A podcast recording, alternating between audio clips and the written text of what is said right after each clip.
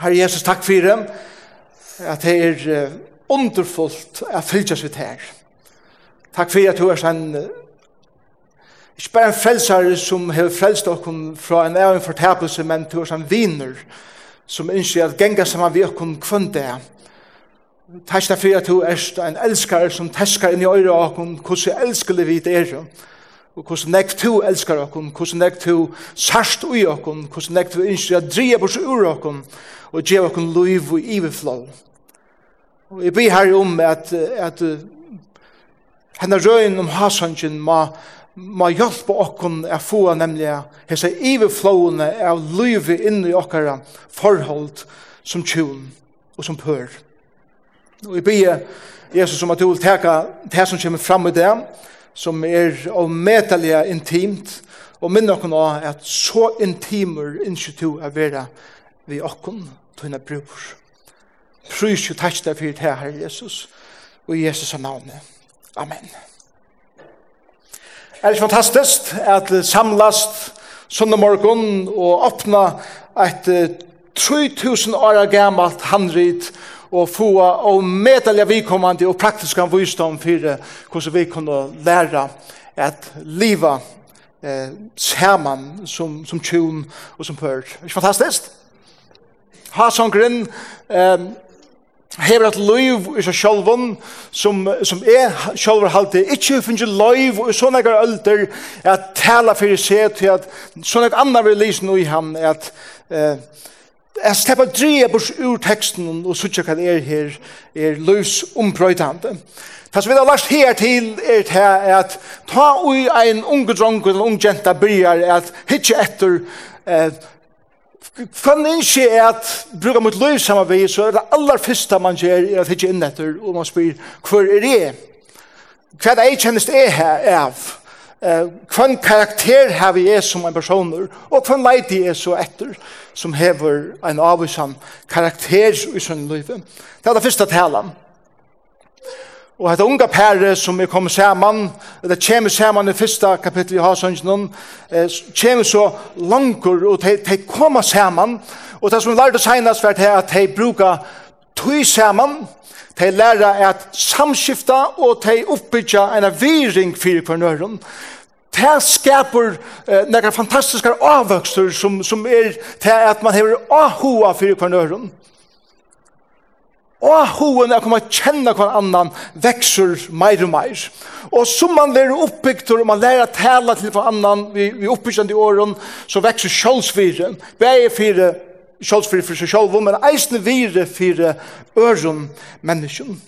Og vi tog så vekser den, den seksuelle hoveren til en mann og en kvinne. Og ta er det at vi lærer at bibelske minst vi er, er nemlig hettar at du hoppar ikke bare sånn en person, men du sier boja. Hatt er ikke enn. Fyrst skulle vi lære öll disse tingene å komme inn i dypten av vikvarn øren, som skaper en langsid, som skaper nukja våner, som skaper liv, minnes i teksteren, ta seg om vare, som blåmene for en spretta, og at ta myrska, og regntøyene for en boi, og nå er liv i, eh, i landen. Og så er det eisende i livene til en forhold, eller en pære som finner forhold, at vare og sommare er nu her. Og i det, så er vi kommet til dette, at liva saman, at læra at elskast, at læra at elska hver annan og medal i innelig. Det er nok snakk roma bare nå. Um, hva sier Gud om sex? Hva sier Gud om sensualitet? Um, Og vi får være øyelig iverraska i og det er sikker vi er. Hva det er velja som god sier om seksualitet? God er ikke akkan og gammal og ring og opp i himmelen og, og, og røyner at, at, at, at sier, skammer du kun ta til snakke om slik ting. Han sier, jeg, Hatt har vi skapt, hatt det godt, hatt det vekkort, hatt det utroligt som, som, som jeg har givet det kun ta og i til befinne seg innanfyr tar karmar som god har skapt her at liva ui, som nemlig er tjunaband. Så, er du klar? Sista verset i uh, uh, Sista sunden der var vers 5 og i kapittel 3 eh, De genga saman, og så sier han, er bøne til kun død i Jerusalems, vi skoar geitnar og vi hindina av marsjene, gjerre ikkje karlagan ofri, og rekvann ikkje, fyrren han vil sjolver. Vi gjør når han boja, boja enn vi tog kinsliga, til vi skulle bytja sånne andre ting og fra noen om til. Men så kommer vi til kap kapittel 3, vers 6, Og nå, nå er at vi ser filmer, så er scenen blevet mørk, og hon åpnas atter vi hesen versen om hva er det vi kommer her i øyemørsene og i røyk stølpen engande av myrra og røykese av allsins kjeppensmanns krytt orsten og så videre og vi får lese teksten som er forklarer men det som vi kommer til nå det er brittleppet nu er det broar vuxna som fer fram uh, i de sørste versen i tredje kapitlet. De kommer saman, de var gynnsi saman, de er færen inn i dupten av vikvarnøren, og nu er det klar at giftast. Så nu skal, nu skal hon være lett fram, sjalt en tist til hver maten de har gjørst på, ta, uh, sjalt vi gjør at her i det. Men nu er det kommet til vuxna. Og jeg er ikke vise til fyra ting som er halde er områdende i en broar vuxna som sier øyne nekv om eisne liv rundt om det. Det første er det som sier i vers 6, det kallet for heila leitje. Alle disse tingene som er nevnt i hesten her versen, eh, røyk stølpen i øyemørsene, sier bare at til øyemørska ferna ta i god lette falskje om det er en røyk stølpa og en eldsule om kvalten. Engande av myrre og røykjese og allsins eh, kryddorsten. Öll hese ting i hese versen tåsa om ting som du brukte i tilbyan i tempelen i Jerusalem. Ta du tilbya god, så komst du til god vi ötlensen her, og, og hette verset bare peikar av at nu er, nu er hette det stier som de har varsk for annan, Guds heila leitje er det stier og nærvera som han leier teg saman. Og til det første som eier det jeg kjenner en broer vuxle, er at god er vi i jusen her. De var arst kvann annan og vist kvann annan, og nå ganger det saman inn i tjonabandet, og dette er ein sottmale som han i tjon trakken og i tar det djeva hver nøren, så heter jeg. Og iverfyre gode, tru enten det færen og sånn, og heile andan, sier deg vi kvann annan, vi halga kom til, og vi gjør en sottmål i for god til mennesken, er vi færa saman inn i tjunaband. For jeg leier en, en, broarvuksle, så har vi alltid hette for eia, at, at let, la dere ikke missa det heilige som er til stier, hese stundene. Men så er det et, et annet som eisen jeg kjenner hese hele løtene, og det er kallet for ha togjerligt hatujarlig løta. Først er det heilig løta, så er det hatujarlig løta, og det er sørger vi fra vers 6 og 8, la meg lese fyrir kom. Hitje, eller hikk, det er bedre stor Salomos, vi 60 kappun rundt om kappun Israels. Adler er her vopna i svøre, vandrer i hernei, kvør og ein ber svør vi lina, vi måter nattar rasslen. Så kjenner jeg hvordan utrolig størst det er. Salomon kommer røyende av sånne stålet, at han kommer berende vinen. Og så kjenner jeg hese her trena og hermenner, som standa vi svøre, veltrena i hermenn, stand her og verja Salomon og brorna som det kommer. Og så er det kvinner, at maveren han har fyrrega brytleppet, Og ta tur som gengar inn, så standa trus veltrenaier hermen vi sånn en maskingiveren pura klarer men hur ju marscherar inn. Kan du sagt det til jeg jag fast så trykka. Og til akkurat det som det här verset lär lär til å ha ticknarliga eller ha tujarliga er ikke bare fest og ballata men til, er, til är en substanser ui ha ticknarliga som fær eina kvinne og eisne mannen sjående at kjenna seg trygg. Er i gode hånden som er gengi fram til tann som jeg skal bruka mitt liv saman vi. Ønske heldur henne atter. Hon er i tryggen hånden. Det tredje som vi sier er i vers 90 og 20, og det kallar for habarslitt. Først er det heilagt, og så er det ha tyra litt, og så er det ha barslitt haparslitt, det er nega vi, vi, vi eh, nega som er funt og velfyrreika og ber bra av kvaliteten. Og det sørger vi i, i vers 9 og 12. Salma kongo legera berestål ur vi ur Libanon. Det var den beste viren. Hvis du skulle finne den beste viren av bytja nega vi, så vært her ur Libanon. Vi, vi er som var bygd, eller som var brukt til å bygge tempelet i Jerusalem vi som Salomon la bytja var flottur alle veien ur Libanon og til Jerusalem. Det var den størskaste vigjeren. Og, og, og det som han tar seg om Heban, han, han spærer ikke nækka. Han gjever uh, vukslene og konene til aller, allar besta. Vers 2. Stolpar hans herra, altså stålsens, bere stålsens, let han gjøre ur silvere, bætje av gudle, setri av purspere. Innan er prutte vi karlæg av døden i Jerusalem, så det er akkurat som en, en, en veldig flokkur av, av, av falske gonger at han å hese stålen, som er så utrolig vel prutter som teipa er kom og berande i hese stålen. Utrolig habarslitt og, og størst er en aktiv maver, en maver som teker eh, rollene at fyra ting vel. Da jeg nå er giftest, så hugsa jeg, hva, hva kan jeg gjøre? For jeg gjør det synder, og har best litt. Og jeg vet ikke om jeg har slimen når jeg har enn, altså, men jeg fikk altså førja symfoniorkester å spille bruarmarsjen. Tar jeg nærkere blått til ham? Du får gå over, ja. Ja, ja. Man kan alltid gjøre det rundt.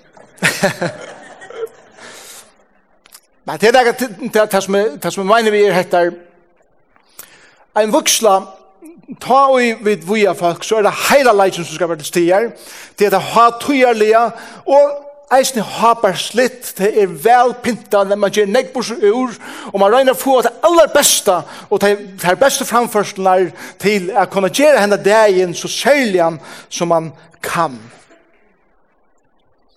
Men det er ongan tøytning. Hvis det første og det sørste elementet ikke er, og til det heilige, og det sørste, det kallar vi for glede. Det sørger vi i vers 11. Døder Sions færre ut og sørger Salomon kong vi kronene, og i mor hans har hevet kront han vi til brytlepsted hans har, glede det hjärsta hans har. En vuxla, ta er vi folk, så, så er det hesebær elementene som er særlig hoksjon. om. Eh, er det heila leis gods iver og sånn, og er det en glede her til stier som du varst, at hese Heseberg, som i dag sier hver ørne er, gjør det til at de har avgjørst i sånne hjertet, at bruka livet sammen, og de gleder seg til at gjør det til. Elsker at her, hese vendingen her, ned, gleder det hjertet hans herre. Vi gengar saman, vi har brukt tøy saman, vi har lært å tåsa saman, vi lærer det meir og meir. I oppbyggjum mina viring for eh, kone mine, eller kommande kone mine, eller kommande mannen mine, og, og til henne den gleden som de sutja fram til at, åh, det er godt, da jeg vet, byrja a genga og lusla saman, og vi flyta inn saman. Legg meg ikke til det, eisne. De er ikke flott inn saman, æren, til unko. Ikke flytte inn saman, Arne, til du gift. Her koma de saman, og her byrjar løsleien tja, tja teimen. Ikke flytte inn saman, Ikke, ikke liva som gift Arne til eh, koma til disse løtene. Kom til henne på hendene maten, at hit har vært kvørs her, og nå koma til saman, at livet tekra løv saman. Jeg må si noen helt få år til tikkun som enn ikke er gift. Åren vi færre, vi er. Og det første er heter, huksa det vel om hver du gifte det vi. Huksa det vel om hver du gifte det vi. Eh, teksten her sier, eh, færre ut og suttje kongen, vi kronene og i mor hans har hever krunt han vi. Det aller ringaste som uh, vi kunne hugsa oss er at ta i broren kommer gengande fram etter gulven og det er flere inn i salen som krympet her og hugsa hvordan søren for at det er? Etter at du veist at kvørsi mamma, eller pappa, eller familien, eller flere ånder, eh, heila tidsi er det vi på etter her, Bare til er positiv at, at jeg vil hava fætur enn der. Hugsa dykkum vel om hverjen til skifta dykkum vi. Et annars som jeg som vil sija, vi dykkum som enn ikke er gift, er løyve hverjen øren at enda er forhold. Ikke bare genga saman til, til genga saman, og, og jeg vil ikke enda til her til at jeg ikke skulle være så vi er, løyve hver en øren at enda et forhold hvis de føler at dette er ikke det som jeg føler innast inne er det. Og når jeg på det var øyla romantisk før vi pør som gikk Saman og sånn, vi har ikke det som det er langt, vi har sagt vi pør, og en del skift, vi hadde ikke at vi skulle skifte det. Vi har rødt, rødt pør fra skiftet oss. Og det har vært utrolig sikning at jeg ikke gjør det. Så ikke bare hopp på i brittlev. Jeg mener at som, som, som det ble liot og så ble godt at det, så ble liot og så godt at det, og, og det klarer ikke å gange være sammen i, i noen få timer, og så sier de, oh, vi, vi timer ikke til, så skal vi gifte ham. Akkurat som, hva er for fornuften til at her bare nå? Alltså det klarar inte vara samman några timmar om vikna och så att det vara samman för 20 att löve. Och tøy vil råd dig til at hugsa dig något sjula vel om. Arjen. Tid her kan avkjør om er giftast. Ta ui du som teka avkjørna så varst du djupt inn i tunn hjarta og öll rundan om at hette en gledestavurs som stender for framman. Det vet jeg lykke hva som er. Og til det her spørsmålet ja, men hvordan kan, man, hvordan kan man vite akkurat? Det kan man ikke. Det er det som sier senest. I stedet, vi, vi visste ikke akkurat. Vi vet at vi er ikke noen nekvar, noen stormer i løyven. Men vi, vi lyder av god at han skal hjelpe oss. Og vi gjør det til som, som skal til for å få et forhold å at, at fungere. Man vet ikke, men man arbeider på det hvem det. Hvordan gjør man det? Nå blir det myrstatter, og en nødt scene åpnast. Og for å få et innlitt inn og inn nå, ta ui så du er gifter, og du først i gang til det livet, som du slett kjører hva det er, du først i gang til ui, og, og, og som sier hinn det er en god blekar ikke bare en håndgranat og sier prøv å ha langsamt videre for å virka. Han har givet en hele bok om hvordan et forhold så kan være godt saman. Og nå er vi bjåa hjem fra eh, varslene og vukslene og alt her, og inn i tjonar kamere. Er det klar? Men det er jo klokken til det. Eh, her er så utrolig enn jeg. At jødes brittlepp. Det var ikke som en føres brittlepp. At jødes brittlepp var det skjedig jeg for det første.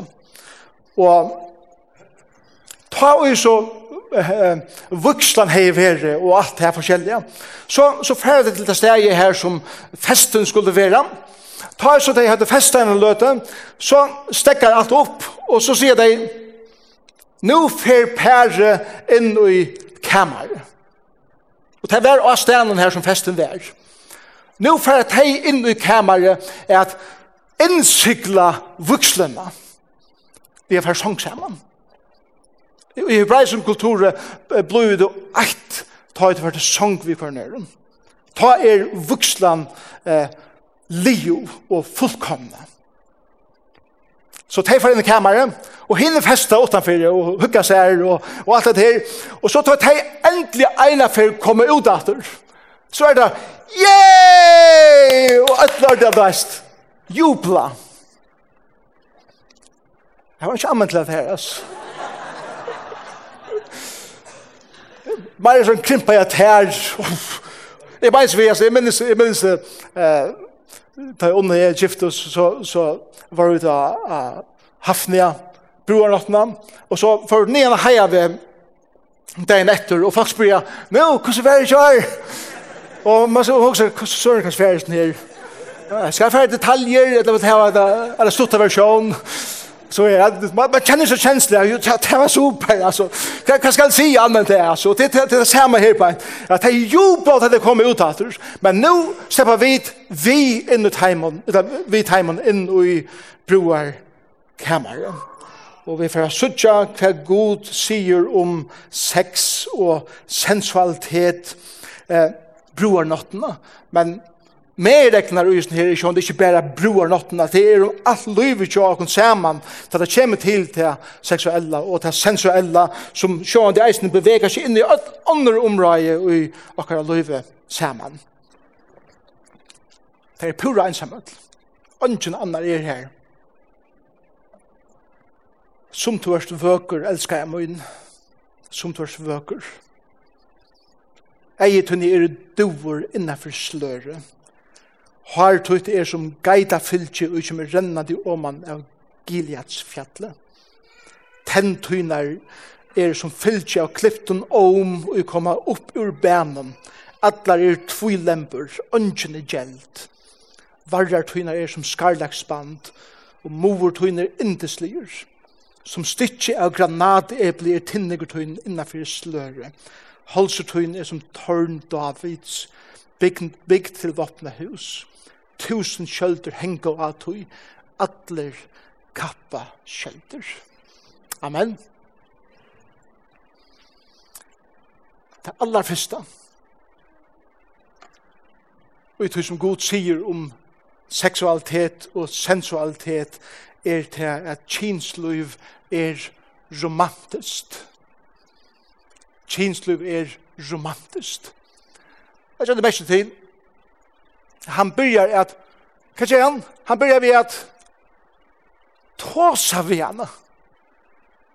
Jeg mener så vi, altså, han, han har bøya, han har sagt, bøya, bøya, bøya, og nå kommer bror nåtten, og en og hver maver som er inne her kunne tro at nå er han har skratt klær i oss her og hoppar i søngjena. Nå skal jeg hava henne. Det gjør han ikke. Og han byrjar at lysa i åren hva han sier. Han byrjar sia vi henne. Han byrjar her oppe fra, Han, han sier, som dørt vøker, elskar jeg min, som dørt vøker, eget henne. Han börjar vi att beskriva egen. Han börjar här uppifrån. Hon har slöre fyra igen. Hon är inte urladen än. Hon är uilaten. Hon har slöre fyra. Han är otroliga följsamma och respektfulla. Han, han, han lyser det som han ser. Och han fer nyer etter från egen. Och han fer nyer eh, og kyner etter haren. Og mynda det vi at et seia fylgje som kommer rennende over Gilias Gileas fjallet. Gileas fjallet var estan fyrir Jordanonna, og til en mynd av sikningen som, som god leder renna om man ivor, eller om man ui okkara luiv, så, så er så les lys han hennar har her beint. Det er pura ensamødel, og ungen annar er her. Og i vers 2 tåsar han vi henne, og han åpner munnen og han, han fer inn vi fingren oss her inn i munnen og henne, og nemer vi henne tenn. Han ser hverja detalje, ten tøyna er som fyllt av klippten om og koma opp ur bænum Hva er det? Kvinner, busse tenn. Reina tenn, atler er tvoi lemper, her beinar, ønsken er gjeld. Hva betyr det? Her manglar ønsken. hon er ikke tannleis hon hever, hon hever allar tennenar, hon, hon lukta vel i andan, jeg mener ikke er som jeg vakna morgenen ved konen kjas her og sier, gåa morgon, gåa. Det var ikke hun bussa tennene her, det er en gåvor, gåvor aroma som kommer fra henne herbent, kvinner bussa tennene. Vers 3, varrar tøynar er som skarlagsband, nå nemmer vi varrannar mor tøyner indeslier, som stikker av granat, er blir tinnig tøyner innenfor sløre, han er ikke, det er ikke sløre, er av her oppi enn, og han ser at det er omrøy her beint, men han sier i kapittel 1, at hun sier ikke at man er så svørst, Nu sier han tinnigur sin er som granateple, granateple hever han der reilige liten. Nu, nu er hoen til henne finnes sin naturliga lit atter, og han ser eh, der, reia liten og henne kjolkon. Noen annar heldur kanskje eh, sier han til make-up som han har lagt av. Det, det vet jeg, det er ikke møvliga er det her. Vers 4, halsertøyne som tørn Davids. Så han börjar här uppe och han fer spekliga ner efter och nu nämner han vi halsen av henne. Han tåsar om halsen av henne som tørn Davids att hon är rankan hals och hon är hon är upprätt och gonger inte såla saman kroppen som syr øyla neck hvis det inte er fysiskt om det innre livet til en menneske, hvis man kommer sammen kroppen. Men han har sørst fyre at han har rakka rygg og hu han holds og hever ønskje var bengi fyrir og kan være fullkomlige trygg som han lyser henne enda meir hva det er som han sier. Som mansa er vi romantiskur er en utrolig stor parster av at liva saman. Vuxlan er en sottmale som du gjerst i og fyrir gode. Men livet saman er ikke bare en sottmale som vi skriver av og tog livet er bare saman og du saman tætje. Livet er romansen liv er lære å være romantiskur og, og respektfutler i, i tjunabanden. Men brukar romanse for å få sex. Det er veldig romantisk kvall, tenker råkjen vi, men enda mål er vi å få sex. Kvinner brukar sex for å få romanse. Men vi er jo såleis, anker sier såleis, men er jo så mikroånder. Pling, så er pura klarer. Det kan være hver som helst. Det kan være nere på hæsene, det kan være med tætjen, det kan være backsiden, ligga mye hver det er, vi er klare beina det. Og ikke annet til det her. Kvinner, godt. Kvinner, sier anker, det er mer som kål kan fyre. Det er slik hita spekli opp. Og da det endelig blir heita, så er det slik sløtja atter. Det er maveren, han kan sløkna akkur som mikroner og eisene. Og, og, og, og, og kona hon ikke til at, at, at sløtja atter. Han vil noa til enda stasjoner som skjøtast. Hon vil njóta vegin til enda stasjoner. Såles er vi menn, og såles er vi kvinner saman skruvar er. Men vi må lære å være romantiske. Jeg mener, da jeg leser det her, jeg føler meg som en restning at måler som mannen. Man dår det slett ikke. Man lærer det. Og vi menn, vi må lære å kunne være mer romantiske enn vi der. Jeg hørte henne gå inn om, om en mann som første året sier vi kona til oss her, og elsker jeg til så fantastisk at bare sitte til bors og er det samme vet der. Tre år sier han vi henne, kanskje ikke munnen lagt med det etter. Femte år på høst er et larma som har kåpert at vi etter. Han er i sannja mist romansene. Og han er, han er glemt etter at det er nære som skal pleiast og som skal færast vel om. Størsta sexorgane av en kvinne er ikke henne underliv, til henne hjerne, til hva hun ser, og hva hun føler, hvordan det er, vi som en sier, hvis alle er sånn vi kunne kjøle frutjekvall, så må vi begynne måned jeg spekler hit opp, og være romantisk Ønsken kona tøymer sång vi en mann som kommer hjem klokka fem og stinkar og sier bare «Kan du gå i sång vi mer og så ønsken mer. Ta tøymer slett ikke. En kona tøymer ikke en mann som er respektleiser og, og som ikke huksar om henne og som tar seg nyer av henne og ødlas tingene her på henne og så bare forvante at kona skal være klar ta jeg min mikroner for fra. Ta tøymer kona ikke. Amen. Yeah. Gott att få ett amen her där. Vi må lära å romantisk, og Gud har skapt romantikk som det er omedelig livgjevende og underfullt og gjennom tjonabandet. Og hver kommer det fra? Hver begynner han at lære å snakka og å lyse for henne? Det er med at det ikke går sammen. Tui han buja i vi affæra inn ut av seksuella, tui er god veit at ta ut leiba beint ut av seksuella, så ver det det som ver drivkraften, og vi får anka det at læra at tåsa djupt saman. Og hess mæren hei lars det, herfra. Han byrjar at ta seg igjen. Så det første er, det er romantiskt. Kinsløyv nummer 2 er verre og virrelitt vers 5. Brøsthøyne er som lampapær.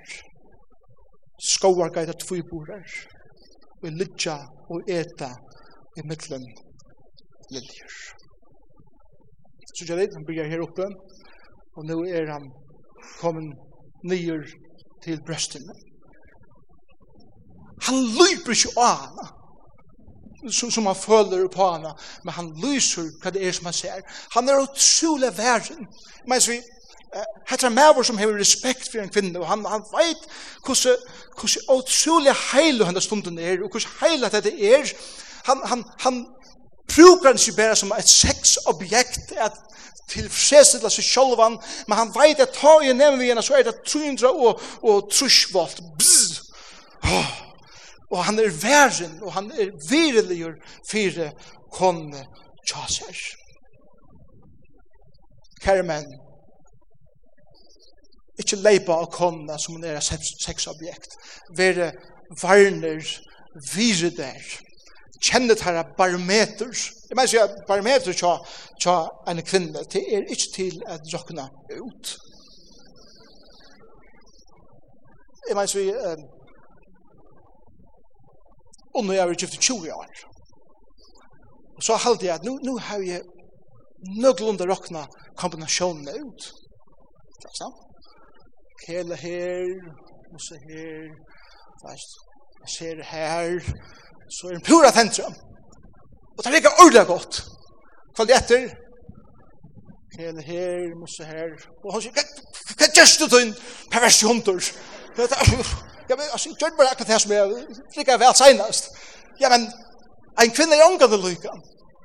Og menn er at lære hattar og at vira det at, at her er så imenskar. Vi menn er bare akkurat lykka hver jeg fyrir. Pling, så er det ugongt, og så er det i ustegjen. Virlet, varlet, værslet. Romantiskt, Och så får så får sirena från Anke så där. Jag vet det, jag vet det. Jag ska jag ska ansätta det alltså. 6 till 8 kinslivet sikt. Ta dævren vir svelur og skuggande flutja. Færi er av myrra fjöllene og røyk, røykjesils hetjen. Hva er det? det? Til dæveren ber svelur og skuggande flutja ferdig er hver, ene for seg av henne er brøst. Brøstene var øynek lust i halsøngen som nega utrolig sensuelt. Og i kapitel 2 var det vi fjøttel vi djavun som han tar seg om henne er brøst. Men det var ikke tøy og ikke hånda færa til teg enn, det var skifter, men nu kan han færa. Det er vrne sveler, det vil si det samme som at, at uh, til sent om kvalitet ut av nottena, skuggane flutja, nu er det blivet mørkum. Er det vi? Så, hei færre sång saman, og hetta værar alla nottuna lyga til morgunen tjener. Amen. Jeg mener vi, vi sitter så filmer der fra Hollywood og så videre, og og til øyelig rådest, og, og, og til leip av hver annan, og bæge kommer i senn, og alle tingene her, men, men visen til lia, så, så prekva, så teker det omlai, tvær til 30 minutter kjønn mannen jeg koma, og middel 20 og 12 minutter kjønn kvinne jeg koma. Så, at han tvær til 30 minutter, ta migra under tensavur, så er eisne, pling, sleppnavur. Og han legger seg henne alene, og hon, hon sier, nu kan vi snakke om et eller annet. Og han sier, nei, og hon ligger her, og så var jeg, ja. Hvis du ikke hever romanser, hvis du ikke hever det her at du er at tåsa saman, og at, at, at pleia sexlivet tjatt her, og så tikkum, et at det sensuella livet, handa matan, at du eisne brukar tui, at litt tåsa saman, og kvinna kvarn øron, inntil mikroåneren, tendrar aktor, og så vire, så vire det bare en paragraf som skal ordnast, og det er fer at bliva trivielt, som årene genga. Det er det som har grunn lærer okkom. Det er vers 6. Du erst vøker alt som du erst, elsker jeg min, at her er ikke lyte, og at her er ikke ljøt. Du er så vøker, du er så vøker at hitje detaljene av denne kroppen, Det til litja nægen sammen, og han, han kan hitje av denne og sige, du er så utrolig vøker og underfullt skapt. Det er ringast som en mæver kan gjøre ved en kvinne, er at han lett henne vite at han er ikke pen. Eller et eller annet feilar av henne, og du peikar av det. Og en nye gjerande hatt. Det er sløtter. Han virer henne og sier vi henne at, at du er så ommetelig av vøkker. Det er det som Herre Jesus sier i sine bror, at her er ungen pletter, ungen rukka, ikke nægge slukt, og gjør det åregne tørst. Så vøker bruer munn. Og det er det som vi lærer eisne i denne her teksten om. Kinsløyve er trygt. Vers 8.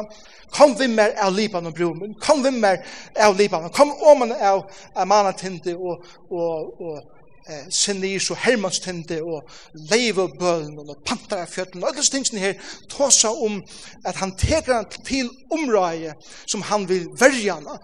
Hermannsfjallet er det haksta fjallet i, i Israel og han teker han her opp for jeg viser at, at er rundan om det som er fjall er rundan om det og verje det fra ötlen vanden som er rundan om av leivon og pantaren og så vi er jeg skal verja det og du skal kjenne det trygga saman vi mer. Det er det som han sier i i sånne her teksten, at kjenne seg trygga.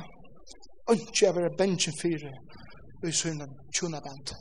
Mæveren pjøs ikke være bensjen fire hva konan gjør, og konan pjøs ikke være bensjen fire hva maveren gjør. Det fjore er, kinsliv er sensuelt. Vers nutje. Du vil tidsi hjertet mot systemen, bror min. Du tidsi hjarta møyt. Det er einen egna kast. Best eine av holskjetum tøynum. Eh, det er sensuelt. I sexløvnum er allir sansene involverer. Det er altså østutlet. Tu hever tidsi med, tu tidsi hjarta møyt vi einen av tøynum egna kastum. Öpp hör hör signal, hör det ikke? Tid hava tikkara signal. Ta maur fer klokkan 11 um kvöld er reka seg og køyrir. Ta ber sut på så nu går han slu fer song. Så veit hon jeg veit hva han vil i kvöld. Ella hon sier jeg har akkurat skifta sangene. Det er signal at ok, jeg kommer i song så kjøtt som jeg kan. Eh, Onkur hefur kanskje nukkje underklæder på. Men jeg har vendt seg sangene og skal morsene gå natt og sier gå natt, gå kling, og han er i gang. Til hon er lett jui, fyrir hon. Til alle signalene som pør hava, at, at senda en båskap, er i ahår ut her, eller ahåa ut her, bare nu. Her til det ikke det? Her til det ikke signal? Nei, nei, ja, onker. Öll hava signalene. Hva signaler det, men vakne til det, hvis ikke vakne til det igjen. Vers 2, som karla ikke tøyne løvsæler siste min bror min. Hvordan menga bedre enn vun er ikke karla ikke tøyne, hvordan menga bedre enn atle engande urster er ikke engin av smyrslen tøyne. Egene, smakkeren, lukteren, atle sansen er gongt i her beint. Det som vi høyra ta i vi er sensuell vi kan annan, eller kinslig vi kan annan. Det er sansen er å pura sa vakner. Det var et unga mann som, som uh, mener i Sankt Kongen sier, Shh! Han njóter at høyra ljóve som, som, som er i, i rummen. Det som han høyrer, det som han ser, han hikker av kvinnen, han sier hvordan utrolig av vøkeren det er, det som han luktar, Det som han føler, vers 11, legg meg til, hun har gått dryper av verden til tøyne bruen, men hun har gått og mjölk er under tunga tøyne. Hva for mosser er den her? Er det franskur? Fragland blir ikke for nudgjende jøld etter Krist. At Her er tusen år fyrir Krist. Nudgjende år årent til. Så heter han hebraisker, kosser. Fer, fer, fer det smakka kvann annan. Engin av klæven til er som engin av lipanen. Atlis hansen er i gongt. Men så kommer vi til vers 12 til 15. Og det er kinslo vi rent. Vers 12 sier så, stongter orsdagar i systemen brunnen, er stongter brunner, innsikla kjelda. Det er tvær sannleikar i disse versen. Den første sannleikar i hesen, at hon er rein, hon er, hon, hon, er, hon er stadigvæk en jomfru og til han eisende. Hon er stadigvæk stongtur urslagær, han er stadigvæk ikke vaktur. Det er hildes rein, det er hildes hver annan rein, som oppbygger en fantastisk respekt. Men det er annan som jeg sutja eisne i eisne her teksten, som jeg hadde i øyla tøtninga mykje eisne i en perforholde, og det er etter at det er tøyer i okkar tjonabandet hver til seksuella og sensuella ikke er så aktivt. Og det skal respekteres og her også ikke bare om manasjukene og, og, og ting som det er. Her, her også om at det er tøyer i tjonabanden hver sjuka kommer inn er tøyer hver skam kommer inn, eller man skal arbeide ved skam fra forstøyene av, som, som gjør til at man blir en lukkaver forstekker. Sorg kommer inn, skuffelser kommer inn, at noen ting kommer inn i tjonabandet som gjør til at sexlivet eh, ikke er så aktivt og en av tog. Og særlig vidt menn må lære at vire og koner tar og ikke bare forvante at vi skulle få okkara eh, tilfredsstillelse eh, oppfyllt. Men vi virra hattar. Og, og, og jeg mener at okkara kunne få bøttene i eisen, til tøyene og, og til energiene som bøttene teker og alt det. Vi er at virra alt det tingene. Jeg husker eisen om åtroskap og en tjona bandet. Åtroskap er kommet inn, men de kommer sammen at de velger arbeid i kjøkken det.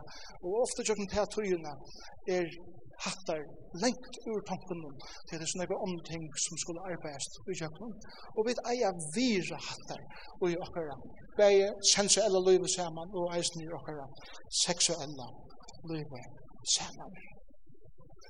Men så byrjar hon, så, så, så byrjar det vakna atur, vers 13, du vekser opp så lund av granat eblatrøven, vi dyren avvekste, siprusblommen og nardusplatten, vi nardus og eh, safran, kalmus, kanele og allsins røykesestrøven, vi myrra, aloe og hinn bestu av allsins kryddurstun.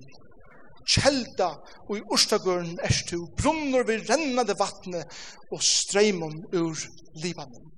Så jag det, nu börjar allt att vakna åter och luktener och och är börjar vakna åter och nu nu är hon kommen här till att hon börjar att öppna sig och sexualiteten för att öppna och tar vi komma till 16:e vers. 16 vers i Hasongen kapitel 4 är det mest sensuella verset i Bibeln. Allt som det är. Och här säger hon, när du håll som talar, vakna norra vinter, og kom sunnan vinter.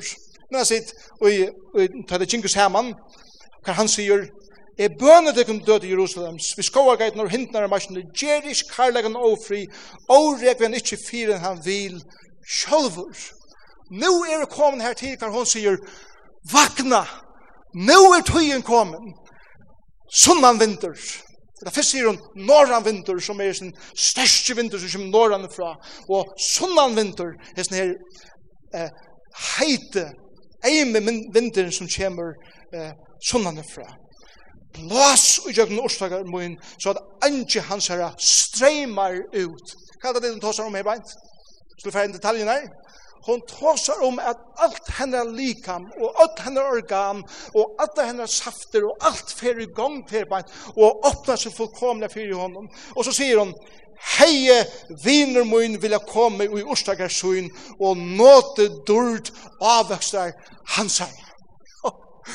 Ta en hebraisk dronker lesa det her, så er det, uh, så er det 18 halsmarsk.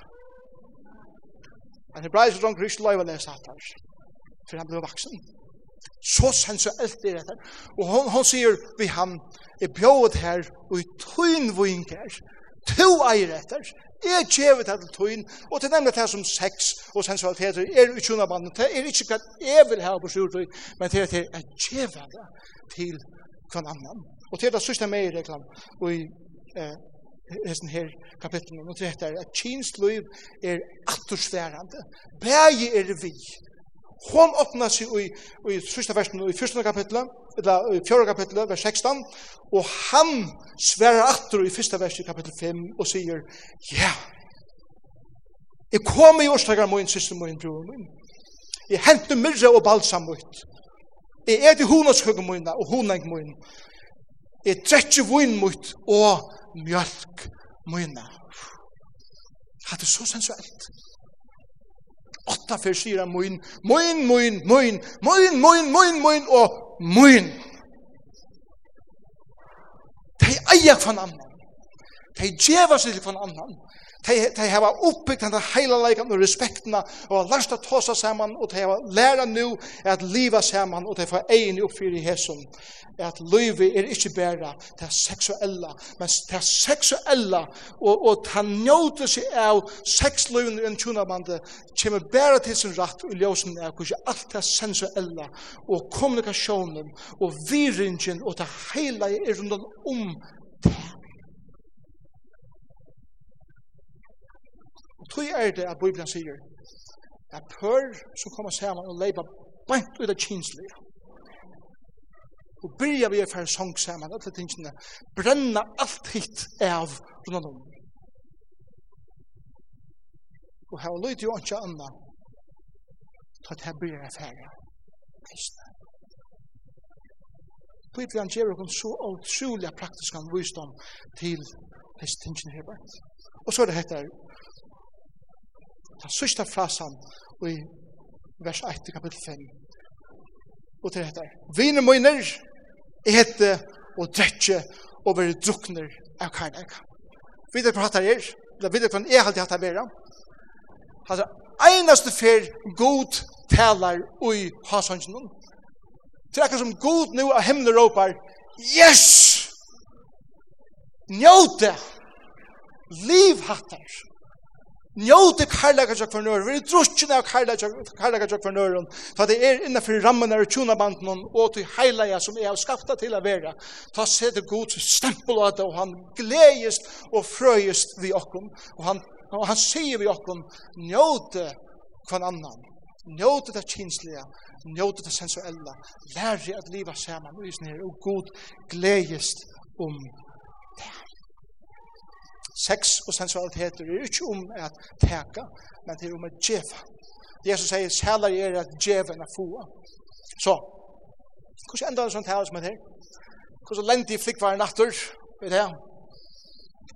Kanskje beste maten er å si, vi er ikke best høyre råsins, men eisne, djerar er tess. er det ikke fantastisk?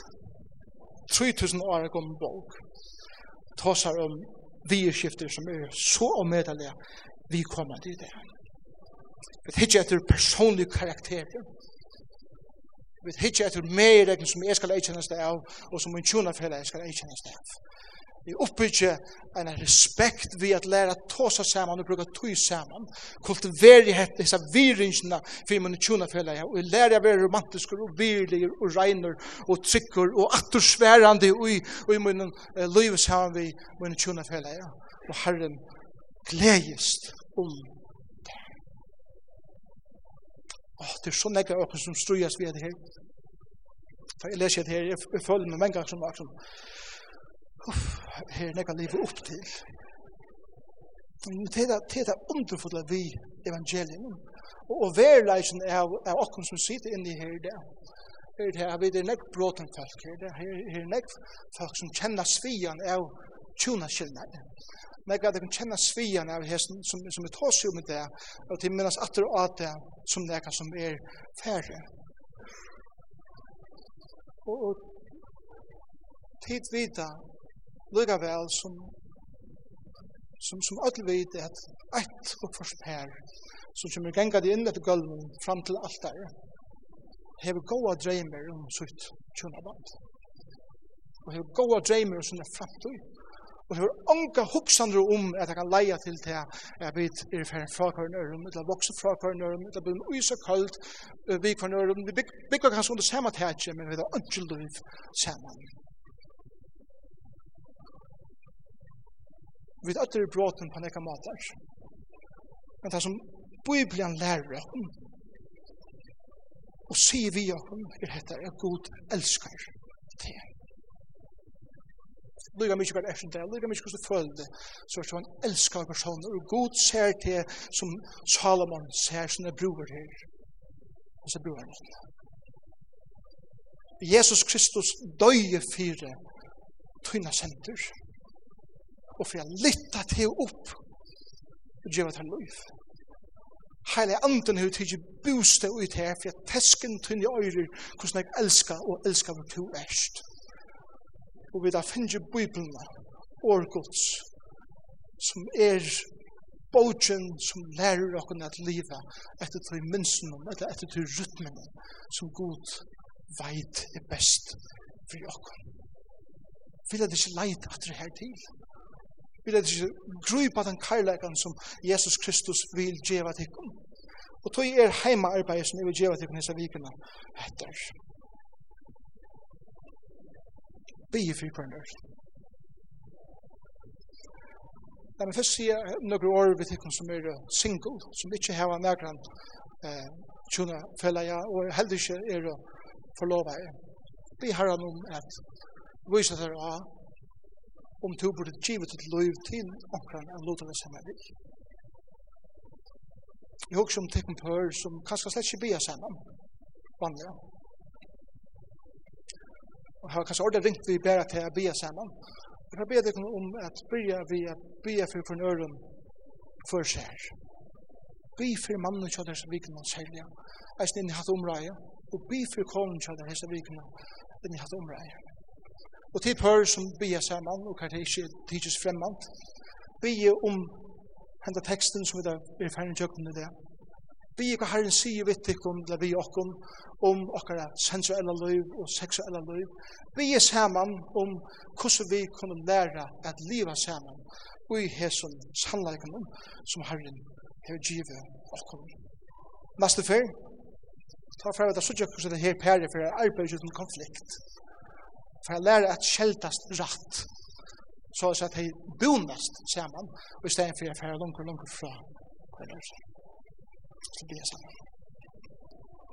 Takk Jesus for det. Tutt år. Takk for det, hvordan vi kommer til er. Og hjelp oss nu det at suttja heila leikan er som vi tar tås om det, sjålt om det har vært tås av åpi og ærlig om det, og kan tidsast flowes litt, og skapen ega kjensler, så bi her om at jeg må være flatte inn i heila leikan, som nega og medelige vikvalt og underfullt, som du har givet jo at han færre vel og virlige og Jesus er navnet. Amen. Amen.